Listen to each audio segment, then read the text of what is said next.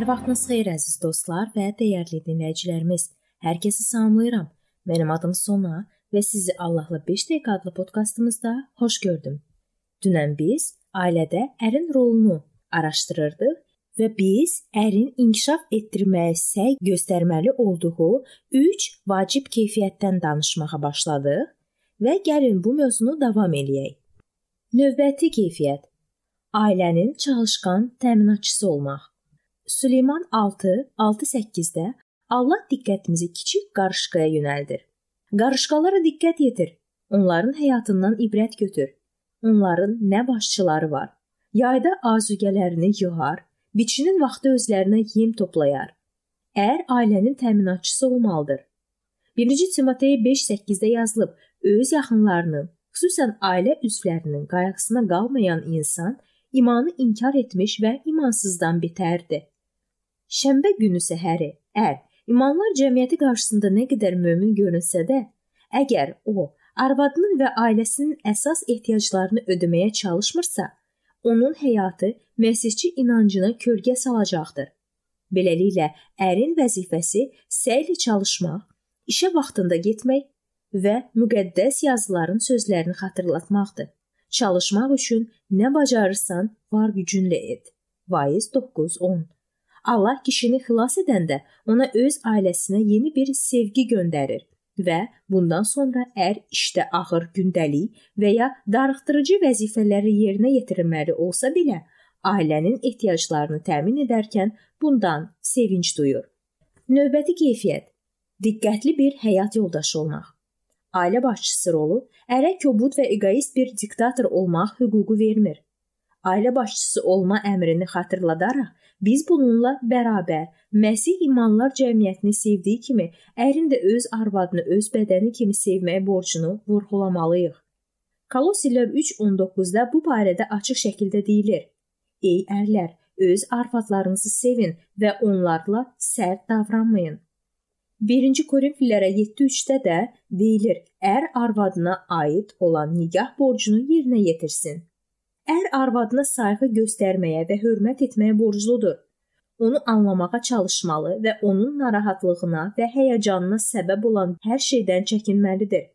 Arvadın tövsiyələrini diqqətlə dinləməli, onun hissləri və yaşantıları ilə hesablaşmalı, təkliflərini nəzərə almalıdır. Səylərini qiymətləndirməli və elementar nəzakət səbəbindən onun hisslərini nəzərə almalıdır.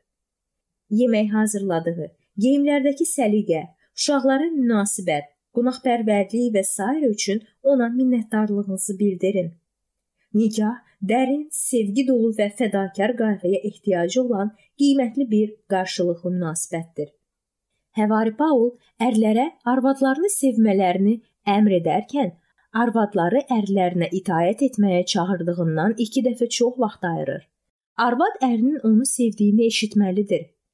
Ərlər onu sevdiyinizi çiçəklərin, kiçik hədiyyələrin köməyi ilə, il dönümləri və ad günləri xatırlamaqla, nəvazişlə əlindən tutmaqla, otağı onun üçün tozsoranla təmizləməklə və ya qabları qurutmaqla da izhar edə bilərsiniz, amma hər şeydən əvvəl bu barədə ona sözlə deyin. Kişilərlə qadınların rollarını bərabərləşdirmək üçün müasir cəmiyyətlərdəki cəhdlərə baxmayaraq, onların aralarında fiziki və emosional fərqlər var bir qadının öz ərinin sevgisini hiss etməsi ilə yanaşı, onun gözündə öz əhəmiyyətini hiss etməsi də xüsusilə vacibdir. Ərlər onun ehtiyaclarına diqqət yetirməli, başa düşməli və həssas olmalıdır. Ona onu sevdiyini və qiymətləndirdiyini söyləməli və öncə sadaladığım hərəkətlər vasitəsilə sevgini göstərməlidir. Elə ərlər var ki, onlara baxdıqda bu qənaətə gəlmək olar ki, arvadın həyatını çətinləşdirməkdən və onu bədbəxt etməkdən xoşlar gəlir. Belə bir ər bir növ əmrlər verən və ilk çağırışında arvadın onun yanına qaçmasını gözləyən diktator olur.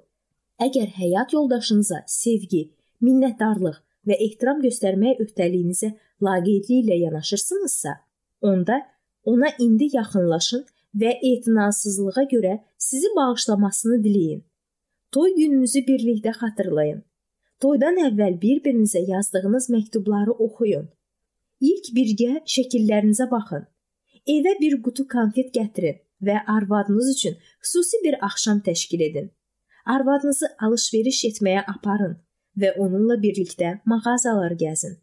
Ona şam yeməyi hazırlamaqda və sonra qabları yumaqda kömək edin.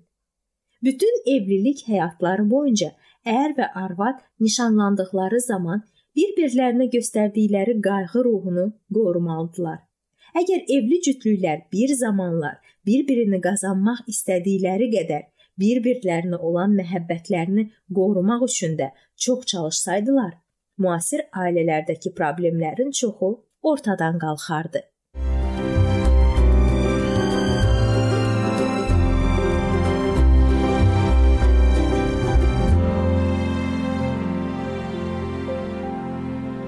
Beləliklə əziz dostlar, bu vacib mövzu burada sona çatdı. Hər zaman olduğu kimi sizi dəvət edirəm ki, bizim podkastlarımızı Facebook səhifəmizdən və YouTube kanalımızdan dinləməyə davam eləyəsiniz. İndi isə mən sizinlə sağollaşıram və növbəti görüşlərdə görmək ümidi ilə sağ olun, salamat qalın.